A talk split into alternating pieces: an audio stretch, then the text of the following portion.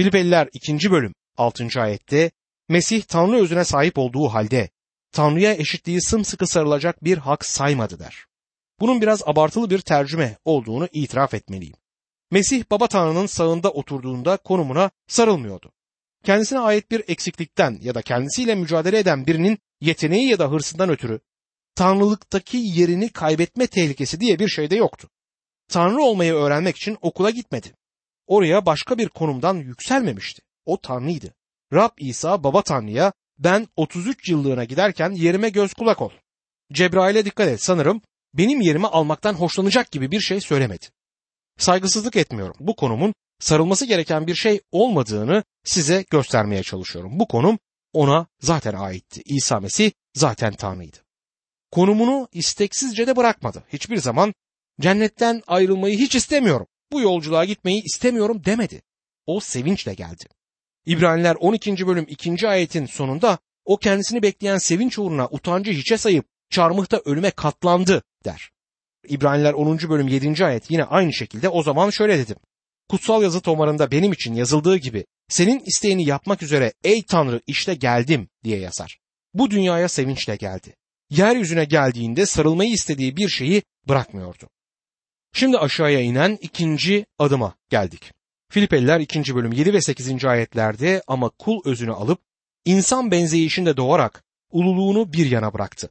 İnsan biçimine bürünmüş olarak ölüme, çarmıh üzerinde ölüme bile boyun eğip kendini alçalttı diyor. Yüceliğinden soyunmak, boşalmak anlamına gelen Yunanca keneo sözcüğüdür. Kenosis teorisi adını keneo sözcüğünden alır. Mesih kendini boşalttı. Sorulan soru kendini neden boşalttı sorusudur. Kendini tanrılığından boşalttığını söyleyenler vardır. İlk kilisedeki agnostiklerin hepsi kendini tanrılığından boşalttı. Tanrılığın onun içine vaftiz olduğunda girdiğini ve çarmıhta kendisinden ayrıldığı küfrünü öne sürüyorlardı. Bu teori Tanrı sözünün hiçbir yerinde doğrulanmamıştır. Kendisini bir şeyden boşaltmıştı ama bu tanrılığı değildi. Meryem'in göğsüne yaslanmış küçük bir bebekken de yüzde yüz tanrıydı. O zaman bile bir tek sözüyle evrenin varlığına son verebilirdi çünkü tanrıydı. Tanrı olmadığı bir tek an bile yoktu. 1. Yuhanna 1. bölüm 3. ayette şöyle yazar. Başlangıçta söz vardı. Söz Tanrı ile birlikteydi ve söz Tanrıydı. Başlangıçta o Tanrı ile birlikteydi. Her şey onun aracılığıyla var oldu. Var olan hiçbir şey onsuz olmadı. Yuhanna 1. bölüm 14. ayet ise söz insan olup aramızda yaşadı. Onun yüceliğini babadan gelen lütuf ve gerçekle dolu biricik oğulun yüceliğini gördük der. O zaman İsa yeryüzüne geldiğinde kendini neden boşaltmıştır? Ben kendini tanrılığın ayrıcalığından boşalttığına inanıyorum. Yeryüzünde belirli sınırlar içinde yaşadı ama bunlar kendi üzerine koyduğu sınırlardı. Tanrı olmadığı bir an bile yoktu. İnsan haline geldiği için tanrılığı azalmamıştı. Buna karşın kendisinde tanrılığın ayrıcalıklarını bırakmıştı. Tanrı oğlu yeryüzüne geldiğinde onu ziyarete gelen birkaç çoban ve bilge ve hatta melekler ordusu bile zavallı bir kalabalıktı. Orada sadece o kalabalık değil, bütün evren olmalıydı. Tanrı'nın yaratmış olduğu bütün insanlar ve melekler orada hazır bulunmalıydılar. Roma sıra düzeni, hiyerarşisi orada olmalıydı. Orada sadece doğudan birkaç bilge olmamalıydı. Batıdan, kuzeyden ve güneyden de gelmeleri gerekiyordu. Ve Yaruşilim'deki tapınak o gün boş olmalıydı. Tümü Betlehem'e gitmiş olmalıydı ama gitmedi. Neden onları gelmeye zorlamadı? Çünkü Tanrılığın ayrıcalıklarını bir kenara bırakmıştı. Noel canlandırmaları ve Noel kartlarında görülen güzel ve temiz bir yemlikte değil, kirli, pis bir yerde doğmaya razı oldu. Erkekliğe Nasıra adlı zavallı bir kasabada girmeye razı oldu. Şekile görkemini yani Tanrı'nın ışığını her zaman yanında tutabilirdi ama bunu yapmadı. Onun resimlerinin birçoğunda gördüğümüz üzere başının üzerinde bir ışık halkası, bir halesi yoktu. Ele verildiği gece yakalayacakları adamın hangisi olduğunu bilebilmeleri için Yahuda'nın onu öpmesi gerekti. Başka adamlardan bir tür içinsel ışık ya da etrafındaki bir görkemle ayrılmadı. Bir insandı ama Tanrı'nın bedende görünmesiydi. Tanrılığının ayrıcalıklarını bir kenara bırakmıştı. Bundan emin olabilir miyiz? Sanırım olabiliriz. Hizmetini bitirdikten sonra yeryüzündeki son gecesinde kendisine ait olanları etrafına topladı ve göksel babasına çok harika bir dua etti. Bu duada söylediği şeylerden birisi Yuhanna 17. bölüm 5. ayette Baba, dünya var olmadan önce ben senin yanındayken sahip olduğum yücelikle şimdi beni yanında yüceltti. Şuna çok dikkat edin. Görkemin kendisine iade edilmesi için dua eder. Tanrılığının kendisine iade edilmesi için dua etmedi. Çünkü tanrılığını hiçbir zaman bırakmamıştı. Ama şimdi cennete döndüğünden görkeminin tanrılığının bir ayrıcalığı olan görkem ışığının kendisine geri verilmesi için dua eder. Onu bir kenara bırakmış olduğu bellidir. Mesih Tanrı özüne sahip olduğu halde Tanrı'ya eşitliği sımsıkı sarılacak bir hak saymadı. Ama yüceliğinden soyunarak diye devam eden ayet bunu anlatır. Mesih'in alçaltılmasında aşağıya doğru inen üçüncü adım ise şudur. Uşak özdeşliğini almasıdır. İsa Mesih yeryüzüne bir hizmetkar olarak geldi. Bir marangoz olarak çalıştı. O zamanlar Nasıra'da yaşıyor olsaydınız İsa'nın çalıştığı dükkana gidip evinizde bazı tamirat işleri olduğunu söyleyebilirdiniz. Yerinden çıkan bir kapım var. Gelip bir bakabilir misin? Sanırım o da hemen geliyorum derdi. Gördüğünüz gibi kul özünü almıştı. Sezar'ın sarayında doğabilirdi. Bir kraldı ama o ilk yıllarda bunu hiçbir zaman bildirmedi. Hatta adına zaferli giriş dedikleri Yarışlim'e girene dek bunu hiç bildirmedi. Bu dünyaya bir işçi, alçak gönüllü bir adam, sıradan bir insan olarak geldi. İnsan olmak için sadece kendini alçaltmakla kalmayıp bugün çoğumuzun içinde bulunduğu sıradan insanlar arasına doğdu. Sade vatandaşlardan birisiydi. Yaşaya 11. bölüm 10. ayet. O gün İşay'ın kökü ortaya çıkacak. Halklara sancak olacak. Uluslar ona yönelecek. Kaldığı yer görkemli olacak der. Genç bir vaizken Yaşayan'ın ona neden Davut'tan çıkan bir kök demediğini merak ederdim. Nedenini şimdi keşfettim. İsa doğduğunda Davut'un soyundan gelen Meryem ve başka bir daldan kendisi de Davut'un soyundan gelen Yusuf da bir köylüydü. Yahudi olmayan kişilerin yaşadığı Nasıra adlı o küçük zavallı kasabada yaşayan işçilerdiler. O zaman İsa Davut'un soyundan gelmiyor muydu? Tabii ki geliyordu. Davut kral olarak mesedilmişti ama babası Yesse Beytlehem'de bir çiftçiydi ve soyundan gelenler de köylüye geri dönmüşlerdi. Rabbimiz bir köylü ailesine doğdu. Rabbimiz kul özünü aldı. İsa Mesih'in alçaltılmasındaki dördüncü adım şudur. İnsan benzeyişine girerek insan biçiminde yaşamak. Yıllarca bu sözler beni hiç etkilemedi çünkü ben bir erkeğim ve erkek olmaktan zevk alıyorum. Bir erkek olmanın bir alçaltılma olabileceğini anlayamıyordum. Ben insan olmanın çok harika bir asaleti olduğunu düşünüyorum. Bu nasıl alçaltıcı bir şey olabilirdi? Size bana yardımcı olduğu kadar size de yardımcı olabileceğini umut ettiğim, anlayabileceğiniz bir örnek vereyim. Biraz komik olduğunu kabul ediyorum ama Mesih'in beden alıp insan oluşundaki alçaltılmayı açıklayacaktır. Yıllar önce Almanya'ya ilk gittiğimde karıncaların kışın ölmedikleri bir yerde yaşama deneyiminden geçtik. Kasım ayının ilk günü Almanya'ya gelmiştik ve aradan çok geçmedi ki mutfaktaki musluğun altında bir sürü karıncayı gördüm. Bir taraftan geliyor, diğer taraftan da gidiyorlardı. Ayrıca şekerliği keşfettiklerini ve içine girip çıktıklarını da gördüm. Sizi bilmem ama ben mutfak musluğunda ve şekerlikte karıncalar olmasını istemem. Bunun üzerine araştırmaya başladım ve onları öldürmem gerektiğini öğrendim. Ben sadist değilim, zalim değilim, bir şeyleri öldürmekten hoşlanmam. Ama karıncaları öldürmeye başladım. Karınca zehiri aldım ve karıncalardan kurtulduk. Sonra başka bir kente taşındığımızda orada da karıncalar vardı. Sanki nereye gittiğimizi öğrenmişlerdi. Haşere öldürme işinde çalışan bir Hristiyan arkadaşım var.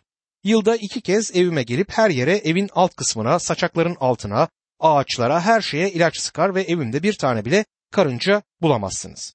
Belki de karıncalar evimin yakınlarında bir protesto mitingi yapıp kahrolsun bu adam karıncalardan nefret eder diye pankartlar taşıyorlardır. Ama doğrusunu isterseniz karıncalardan nefret etmiyorum. Hiç böyle bir takıntım yok. O karıncalarla iletişim kurabilmenin ve onlara bir mesaj aktarabilmenin bir yolu olsaydı onlara bakın sizden nefret etmiyorum. Sadece benim mutfağımdan uzak durun ve mutfak musluğuna gitmeyin. Dışarıya sizin için şekerli su koyarım. Sırf dışarıda kalırsanız sizin için bunu yaparım derdim ama karınca olmanın dışında bu mesajı karıncalara vermenin bir yolunu bilmiyorum. Diyelim ki karınca olma gücüne sahibim. Eğer bunu yapabilseydim yapmazdım çünkü eğer karınca olsaydım üzerime basacak bazı insanları da tanıyorum. Ama dinleyin eğer bir karınca olabilseydim bu bir alçaltılma olurdu öyle değil mi? Bir karınca olmayı istemezdim bundan nefret ederdim.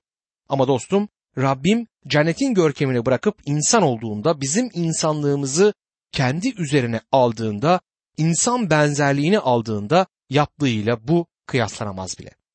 Rabbimizin alçaltılmasındaki beşinci adım kendisini alçaltmasıdır. İnsan biçimine bürünmüş olarak kendini alçaltmıştır. Sizler ve ben birisinin bizi alçaltıcı bir şey yapması ya da söylemesiyle alçaltılırız. Ama Mesih'in kendini alçalttığına dikkat edin. Bu yapması en zor olanıdır. John Wesley hakkında duyduğum en harika şeylerden birisi bir ırmağın üzerinde sadece bir tek kişinin geçebileceği kadar geniş bir köprüyü geçmek üzereyken gerçekleşen olaydı. Köprüyü geçmeye başlarken zamanın liberal vaizlerinden biriyle karşılaşır. Bu vaiz kabarıp ben asla bir ahmağa yol vermem demiş. John Wesley bir an ona bakıp gülümsemiş ve ben her zaman veririm diyerek geri çekilmeye başlamış dostum. Alçak yeri almak her zaman zordur ama John Wesley hakkında yüksek düşünceler beslememe onun yaptığı bu hareket neden oldu. Bizler kendimizi alçaltmakta zorlanıyoruz ama Rabbimiz bunu yaptı. Birçoğumuz alçaldığımız durumları yaşadık. Aklıma yıllar önce bir konuşma yaptığım bir yaz konferansı geliyor. Bu konferanstaki konuşmacılardan biri çok saygın bir İngilizdi. Çok yetenekli bir konuşmacı ve saygın birisiydi. Platforma çıktığımda üzerimde bir tişört olduğunu görünce şoke olmuştu. Onun için bu bağışlanamaz bir günahtı. Beyaz bir gömlek, yaka ve kravat takmıştı. Hatta o gece bir takım elbise bile giymişti. Bir gece yağmur yağdı ve toplantı salonundaki pencerelerden birinin camı kırıldı ve platforma yağmur geliyordu. O eski günlerde o gece kim konuşursa konuşsun konferans konuşmacılarının hepsi hep birlikte platforma çıkardı. O gece bu saygın resmi giyinişli İngiliz'in ardından yürüyordum ve platformdaki ıslak yere basınca ayağa kaydı. Boylu boyunca yere düştü ve herkes ona güldü. Ben o kadar çok güldüm ki platformdan ayrıldım. Yerime dönüp oturduğumda hala gülmekten kendimi alamıyordum. Bir sonraki gece yine her zamanki gibi başladık ve adam yine tam önümdeydi. Ona eğilip bu gece aynı performansın tekrarı hoş olurdu dedim. Ne kadar aşağılayıcıydı değil mi dedi. Evet alçaltılmıştı ama kendisini alçaltmamıştı. Birçok kereler bu duruma düşeriz öyle değil mi? Ama kendimizi alçaltmayız.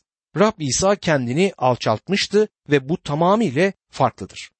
İsa'nın alçaltılmasının altıncı adımına geldik. Ölüme dek yürüdü. Ölüm oldukça alçaltıcı türde bir şeydir. Doğal değildir. Bazen cenazelerde insanların doğal gözükmüyor dediklerini duyarım. Bu sözler genelde ölenin yakınlarını teselli etmeye çalışan iyi niyetli kişiler tarafından söylenir. Anneannenin ölümde doğal gözüktüğünü düşünmenin neden bir teselli kaynağı olabileceğini bilmiyorum. Hayır doğal gözükmüyor dememek için dudağımı ısırırım. Ölüm doğal değildir. Tanrı insanları ölmeleri için yaratmamıştır. İnsan günah suçundan ötürü ölmektedir. Ölüm bir adamın suçundan ötürü dünyaya gelmiştir ve o adam da Adem'di. Ve ölüm bütün insanlara geçmiştir. Ölüm doğal değildir. Tanrı insanları ölmeleri için yaratmamıştır. Rabbi İsa yeryüzüne geldiğinde bizlerden biraz farklıydı. Sizler ve ben bu dünyaya yaşamak üzere geldik. Ben gerçekten de ölmek istemiyorum, yaşamak istiyorum. Hizmetimin en verimli zamanıma geldim ve Rabbin bana izin vereceği kadar da yaşamayı istiyorum. Ama Rab İsa ölmek için doğmuştu. Yeryüzüne ölmek için gelmişti. Ölmesi gerekmiyordu ama ölüme bile boyun eğdi ve kendini isteyerek ölüme teslim etti.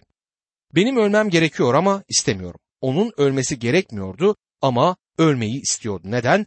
Eğer ona güvenirsek sizi ve beni kurtarmak için. Yuhanna 10. bölüm 15. ayette baba beni tanıdığı, ben de babayı tanıdığım gibi benimkiler de beni tanır. Ben koyunlarımın uğruna canımı veririm dedi. Yuhanna 10. bölüm 17. ayet canımı tekrar geri almak üzere veririm.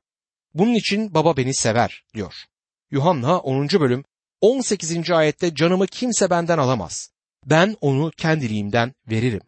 Onu vermeye de geri almaya da yetkim var. Bu buyruğu babamdan aldım der. Mesih'in alçaltılmasındaki yedinci ve son adım haç ölümüdür. Sadece ölüme değil, çarmıh üzerindeki ölüme boyun eğdi. Mesih'in elektrikli sandalyede ya da gaz odasında ya da asılarak öldüğünü söyleseydik, günümüz insanı üzerinde daha çok etkisi olurdu. O türde onursuz bir ölümdür. çarmıh üzerindeki ölüm. Görkemin doruğundan alçaltılmanın en alt noktasına gelmişti. Bunu neden yaptı? Başkaları sözcüğüne geri dönelim. Herkes yalnız kendi yararını değil, başkalarının yararını da gözetsin diyor kutsal kitap. Cennetin bütün görkemini bırakıp yeryüzüne geldi, bir insan oldu ve başkaları yani sizler ve benim için bir suçlu gibi öldü. Bunun için Tanrı'ya şükürler olsun. Mesih'in düşüncesi işte budur. Tanrı'nın düşüncesi ise Mesih'in yüceltilmesidir. Baba Tanrı'nın düşüncesi Mesih'i yüceltmektir. Aşağıya doğru inen yedi adımı gördük. Şimdi yukarıya doğru çıkan yedi adıma bakalım. Tanrı'nın düşüncesi Mesih'in yüceltilmesidir. Filipeliler 2. bölüm 9. ayette bunun içinde Tanrı onu pek çok yükseltti ve ona her adın üstünde olan adı bağışladı der. Bu yukarı çıkan ilk adımdır. Tanrı onu pek çok yüceltti. Baba Tanrı'nın bugün evrendeki en büyük amacı yaratmış olduğu evrende insanların yaşadığı, insanların Tanrı'ya karşı asilik etmedikleri yeryüzünde İsa Mesih'in yüceltilmesidir. Yeryüzü adlı bu küçük gezegeni önemli ve anlamlı kılan Mesih'in burada ölmüş olmasıdır. Başka bir şey değil. Astronomi uzmanları bizlere uzayda küçük bir nokta olduğumuzu ve eğer küçük dünyamız evrenden silinirse bunun evren için hiçbir şey fark ettirmeyeceğini söylerler. Ve bu kesinlikle doğrudur. Birisi insanın küçük bir gezegenin derisi üzerinde bir hastalık olduğunu söylemiştir. İşte biz buyuz. İnsana onur ve saygınlık veren, onun göklere bakıp hamd ilahisini söylemesine neden olan şey İsa Mesih'in yeryüzüne gelip çarmıhta bizim için ölmüş olmasıdır. Bunun için de Tanrı onu pek çok yükseltmiştir. Şimdi ikinci adıma geliyoruz. Ona her adın üstünde olan adı bağışladı. İsa'nın adını bir daha boş yere ağzınıza aldığınızda lütfen bunu hatırlayın. Tanrı sizin küfretmek için kullandığınız ve çamurlara batırdığınız o ismi yüceltmek niyetindedir. Geçen gün bir pilot içinde bir bombanın patlamış olduğu bir uçaktan indi ve aşağıya yere indirilmesi bir mucize olmuştu. Bu pilot kalabalığın yanında durup İsa Mesih, İsa Mesih diye bağırmaya başladı. Bunu küfür olarak mı söyledi bilmiyorum. Eğer o şekilde söylediyse Tanrı ona merhamet etsin. Umarım sözleri bir duaydı. İsa Mesih'in ismi bu dünyanın bütün büyük insanlarının ve yücelikteki bütün meleklerin isminden daha çok yüceltilecektir. Filipeliler 2. bölüm 10. ayette öyle ki İsa'nın adı anıldığında gökteki, yerdeki ve yer altındakilerin hepsi diz çöksün der. Bu ayette Mesih'in yüceltilişinin sonraki üç adımını buluyoruz. Üçüncü adım İsa'nın adınadır. İsa kurtarıcı anlamına gelir. İsa'nın Beytlehem'de doğuşundan önce melek Matta 1. bölüm 21. ayette adını İsa koyacaksın. Çünkü halkını günahlarından o kurtaracak demiştir. Şimdi peygamberlikten söz edilişe dikkat edin. Matta 1. bölüm 22 ve 23. ayetler. Bütün bunlar Rabbin peygamber aracılığıyla bildirdiği şu söz yerine gelsin diye oldu. İşte kız gebe kalıp bir oğul doğuracak. Adını İmanuel koyacaklar. İmanuel Tanrı bizimle demektir. Bana kutsal kitapta İsa'ya İmanuel denilen bir yeri gösterebilir misiniz? Ben hizmete atıldığımda kız gebe kalacak adlı peygamberlik benim için hiçbir zaman sorun olmamıştı. İsa Tanrı olduğundan insan ailesine mucizesel bir doğuştan başka hangi yolla girebilirdi ki? Ama benim için sorun olan onun adını İmanuel koyacaklar ayetiydi. Çünkü kutsal kitapta ona İmanuel dedikleri bir yer bulamamıştım. O zaman o peygamberlik yerine gelmedi diyebilirsiniz. Dostum bu hayal edebileceğiniz en harika şekilde yerine gelmiş peygamberliktir. Melek adını İsa koyacaksın. Çünkü halkını günahlarından kurtaracak olan odur dedi. Şimdi bunun üzerinde düşünün. Bana İsa diyemezsiniz. Ben kendimi bile kurtaramam. Size de İsa demek doğru olmaz çünkü siz de kendinizi kurtaramazsınız. Gördüğünüz gibi bugün hepimiz aynı yerde, aynı gemideyiz. İnsanlık batmakta olan bir gemidedir ve gemi batmaktadır. Bir kurtarıcı olacaksa o kişi dışarıdan gelmelidir. Ayrıca bir halat atmayı isteyenler de var. Batan bir gemideki gibi. Yukarı güvertedeki biri alt güvertedekilere size bir halat atayım der. Ama yukarı güvertede batmaktadır. Anlayacağınız gibi halatın insanlık gemisinden başka bir yerden gelmesi gerekir. Hiçbir insan bir kurtarıcı olamaz. Adını İsa koyacaksın çünkü halkını günahlarından kurtaracak olan odur. İsa halkını günahlarından nasıl kurtarabilir? Çünkü o İmanuel Tanrı bizimle anlamına gelen isme ve ünvana sahiptir. Üzerine meleklerin benzerliğini değil, insanlığımızı aldı. O İmanuel, Tanrı bizimledir. Ve öyle olduğu için adına İsa denilebilir. Ve dostum, kimseye doğru olarak İsa denemez. Tanrı şimdi yeryüzüne geldiğinde ona verilen adı tüm adların üzerinde yücelteceğim demektedir. Şimdi yüceltilmesinin dördüncü adımına dikkat edin. Göklerde ve beşinci adım yeryüzü, yerdekiler ve altıncı adım ve yer altındakiler. Bu ayet bazı gruplar tarafından nihai olarak herkesin kurtulacağı teorisini desteklemek için kullanılmaktadır. Tanıdığım bir tarikatın bir konuşmacısı vardı. Yahuda, İskaryot ve şeytanın birlikte cennetin sokaklarında yürüyeceklerini çünkü nihai olarak herkesin kurtulacağını söylemişti. Tabii ki bu ayeti kullanması talihsizliktir. Çünkü bu ayeti Koleseliler 1. bölüm 20 ile karşılaştırdığınızda gerçek anlamını anlarsınız. Filipelilerdeki mesajın konusu İsa'nın Rabliğidir. Tanrı onu pek çok yükseltmiştir ve İsa'nın adında gökteki, yerdeki ve yerin altındaki her diz çökmelidir. Bunun anlamı cehennemin bile onun önünde diz çökmek zorunda kalacağıdır. Çünkü İsa Rab'dir. O Tanrı'dır. Ama sadece diz çökmek kurtuluş anlamına gelmez. Koleseliler 1. bölüm 20. ayette Rablikten değil Mesih'in barıştırıcı işinden, kurtarıcı işinden söz eder ve ne barıştırılmıştır ne kurtarılmıştır. Cehennem bunlara dahil miydi? Hayır. Yerin altındaki şeyler bu ayete dahil edilmemiştir. Neden? Çünkü bu ayet kurtarılmadan söz etmektedir ve cehennemde kurtuluş yoktur. Bu iki ayet yan yana konulduğunda cehennemde İsa'nın önünde diz çökenler sadece onun Rabliğini kabul etmektedirler. Öyle ki İsa'nın adı anıldığında göktekiler, yerdekiler ve yer altındakilerin hepsi diz çöksün. Şimdi burada Mesih'in yüceltilmesinin yedinci ve son adımını da görüyoruz. Filipeliler 2. bölüm 11. ayet ve her dil Baba Tanrı'nın yüceltilmesi için İsa Mesih'in Rab olduğunu açıkça söylesin diyor. Her dil İsa Mesih'in Rab olduğunu söyleyecektir. Bu her dilin onun kurtarıcı olduğunu söyleyeceği anlamına gelmez. Cehennemde bile İsa'nın Rabliğini kabul edecekleri ilginçtir ve ben bunun onların ızdırabını artıracağını düşünüyorum. Burada bir uyarıda bulunmak isterim. Eğer İsa Rabbiniz değilse, onun Rabbiniz olduğunu söylemek konusunda çok dikkatli olun. İsa birçoklarının kendisini Rab, Rab diye çağıracaklarını hatta onun adıyla birçok mucize yapacaklarını buna karşın kendisinin onlara ben sizi hiç tanımadım diyeceğini Matta 7. bölüm 21, 22 ve 23. ayetler bize söyler. Bana Ya Rab, Ya Rab diye seslenen herkes göklerin egemenliğine girmeyecek. Ancak göklerdeki babamın isteğini yerine getiren girecektir. O gün birçokları bana diyecek ki, Ya Rab, Ya Rab, biz senin adında peygamberlik etmedik mi? Senin adınla cinler kovmadık mı? Senin adınla birçok mucize yapmadık mı? O zaman ben de onlara açıkça sizi hiç tanımadım. Uzak durun benden ey kötülük yapanlar diyeceğim. Dostum onun Rabbiniz olduğunu söylemeden önce onu kurtarıcınız olarak tanımanız iyi olur. Eğer kurtarıcınızsa o zaman ona Rabbiniz olarak itaat edebilirsiniz. İnsanların İsa ne büyük bir dosttur ilahisini söylediklerini bile duymaktan hoşlanmıyorum. İsa'da büyük bir dost bulduğumuz doğrudur ama İsa'nın bu konudaki sözlerini de dinleyelim. Yuhanna 15. bölüm 14. ayet. Size buyurduklarımı yaparsanız benim dostlarım olursunuz dedi İsa. Onun bize buyurduklarını yaparsak onun bizim dostumuz olduğunu söyleyebiliriz.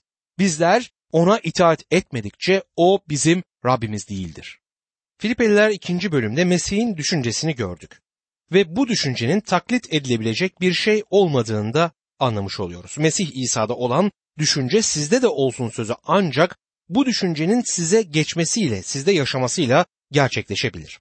Şimdi Mesih ile ilgili Paulus'un düşüncelerine bakacağız.